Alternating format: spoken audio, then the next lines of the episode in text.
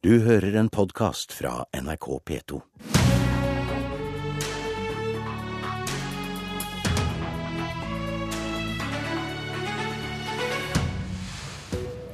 Hvor er Siv Jensen, roper Arbeiderpartiet. Hun sitter her, svarer Politisk kvarter, sammen med Jonas Gahr Støre.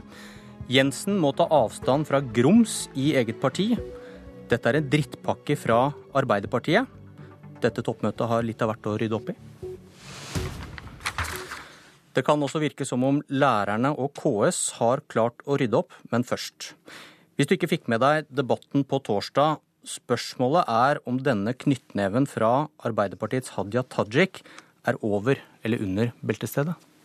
Det går en grense et sted. Og nå har jeg jo nylig denne uken opplevd at det er en stortingsrepresentant i min egen komité som eh, med, altså gir sin godkjenning da, til uttalelser om at jeg driver med muslimdominans og oppfordrer til halshogging og drap. Da har man passert en grense. Når deres representanter sier sånne ting, så blir ledelsen helt stille. Leder i Fremskrittspartiet, Siv Jensen. Hvor traff den? Jeg skjønner at Arbeiderpartiet har et behov for også i dette spørsmålet å diskutere eh, Fremskrittspartiet. Vi har eh, gjennom flere år ønsket å diskutere fremveksten av eh, radikal islamisme, fordi vi har sett at det har vært et gryende problem. Vi adresserte dette overfor Arbeiderpartiet for noen år siden da de satt i regjering, og da sa Jonas Gahr Støre at det var ikke et problem med radikal islam i Norge. Feide det til side, og gjorde det den gangen også til et spørsmål om Fremskrittspartiet. Men jeg har lyst til å understreke programleder, at vi har altså turt å ta denne debatten gjennom alle disse årene. Vi har adressert problemstillingene, vi har adressert de utfordringene vi står overfor, og har opplevd et Arbeiderparti som ikke har ønsket å ta i denne debatten i det hele tatt. Eh, men nå står vi altså midt i dette problemet med begge beina. Vi ser bestialske hendelser i eh, Irak og Syria. Halshugginger, eh, brutale voldtekter, kvinner, barn som blir begravet levende. Det er et faktum som vi bør diskutere, og da bør heller Arbeiderpartiet være interessert i å diskutere hva vi skal gjøre med dette. Vi har lagt frem en handlingsplan mot radikalisering. Vi har adressert hvordan vi nå kan se på muligheten for å frata folk statsborgerskap. Men vi vet ingenting om hva Arbeiderpartiet mener om disse spørsmålene. Men først, din justispolitiske talsmann Ulf Leirstein han ga tommel opp på sin Facebook-side til en påstand om at Tajik oppfordrer til halshugging, bl.a. Har Leirstein blitt urettferdig behandlet? Nei, men jeg er veldig glad for at Leirstein selv har lagt seg paddeflat og beklaget uh, denne hendelsen. Hva gjorde du da du fikk vite om det? Nei, Jeg er jo glad for at han selv har ryddet opp i sine egne handlinger. Da... Men hva, hva, gjorde du? Nei, Jeg trengte jo ikke å gjøre noe, jeg, da, i og med at det var han som uh, gjorde dette og selv beklaget det, og det er jeg glad for.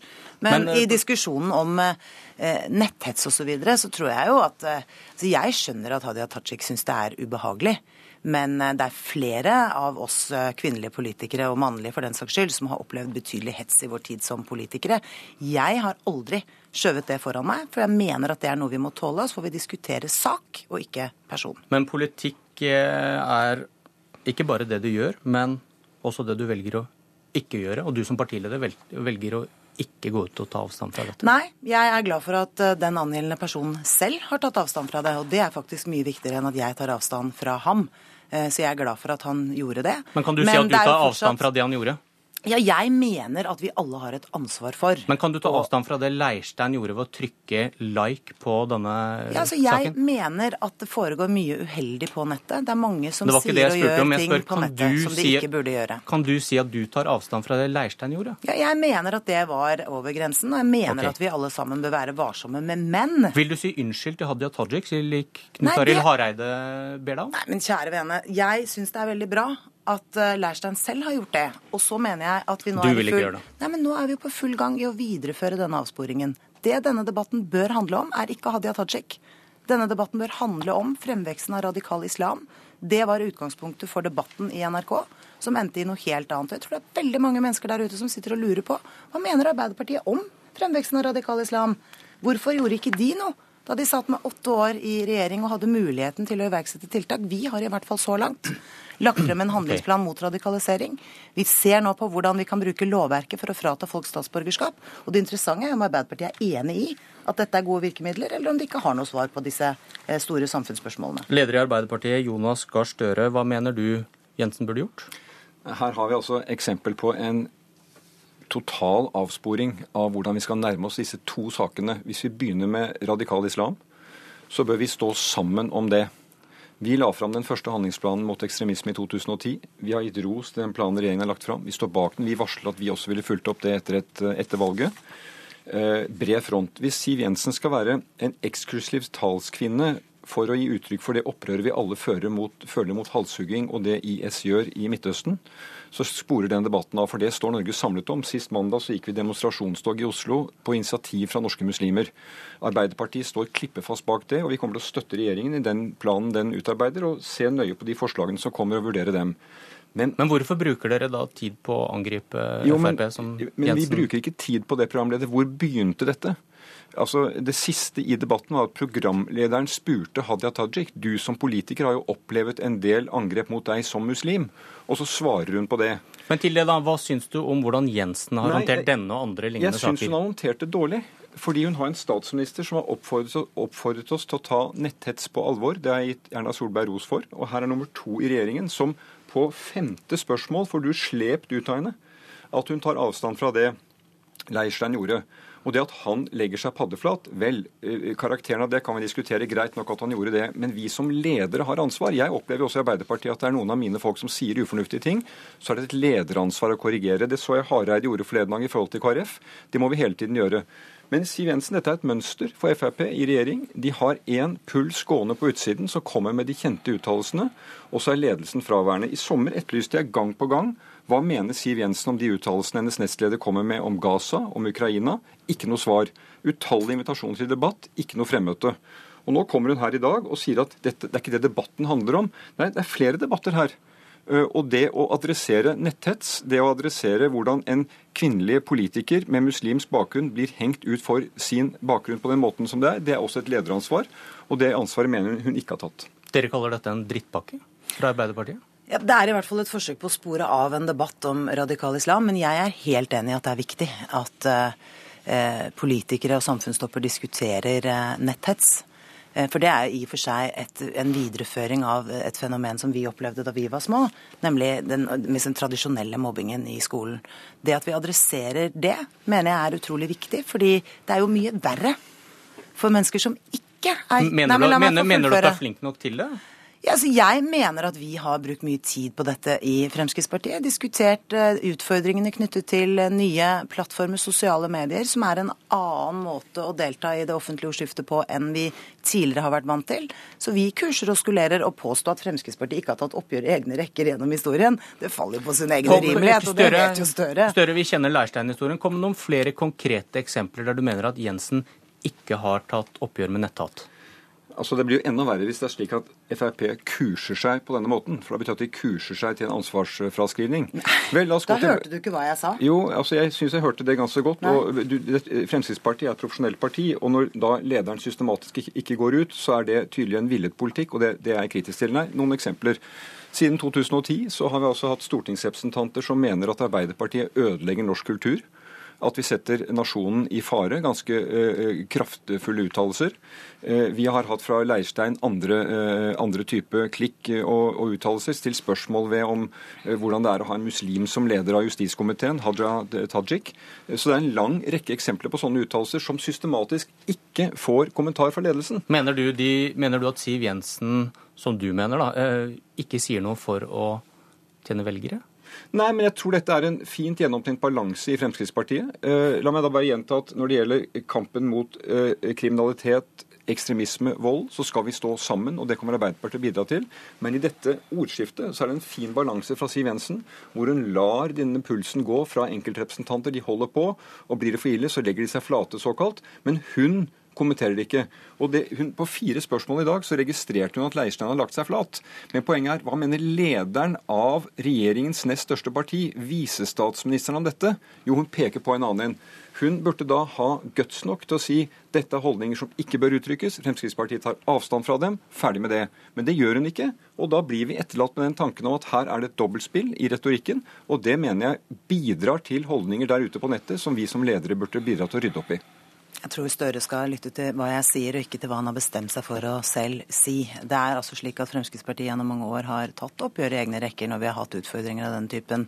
Og jeg kunne brukt tid på å liste opp en lang rekke uttalelser som har kommet fra Arbeiderpartifolk, som ikke ledelsen i Arbeiderpartiet har tatt avstand fra, men det gidder jeg ikke å bruke tid på. Rett og slett fordi jeg mener at det er mye viktigere å diskutere eh, den store delen av denne saken, nemlig fremveksten av radikal islam. Og, og det er altså slik at da jeg utfordret Støre på dette tilbake i 2009, så sa han at det var ikke et problem med radikal islamisme i Norge. Vel, eh, det er altså det. Eh, og det vokste frem ikke under denne regjeringen, men under den forrige. Et lite tips til Dagsnytt 18. Denne debatten kan dere ta i kveld og fortsette, fordi vi har en annen sak vi må snakke om. Inn har politisk kommentator Magnus Takvam kommet, og lærerstreiken ser ut til å være over. Og hva kan du fortelle om eh, løsningen? Partene er enige om et anbefalt eh, opplegg, eh, og de skal presentere detaljene 8.30 eh, på en pressekonferanse. Og man har da kommet fram til en slags ny forståelse om dette omstridte arbeidstidsspørsmålet. Det går ut på at man for dette skoleårets vedkommende fortsetter med den avtalen som gjelder, mens man fra neste år da bruker den framforhandlede avtalen. Og den går i korte trekk ut på at man viser til en del av de alternative modellene som har vært framme tidligere i forhandlingene om ulike måter å øke tilstedeværelsen på, og at partene lokalt på den enkelte skole kan eh, diskutere det og eventuelt bli enige om eh, økt tilstedeværelse utover minimumsordningen i dag. Og blir man, Men blir, striden har stått om der man ikke blir enige. Og der man, har man en tvisteløsning som går ut på en slags mekling i kommune, fylkeskommune.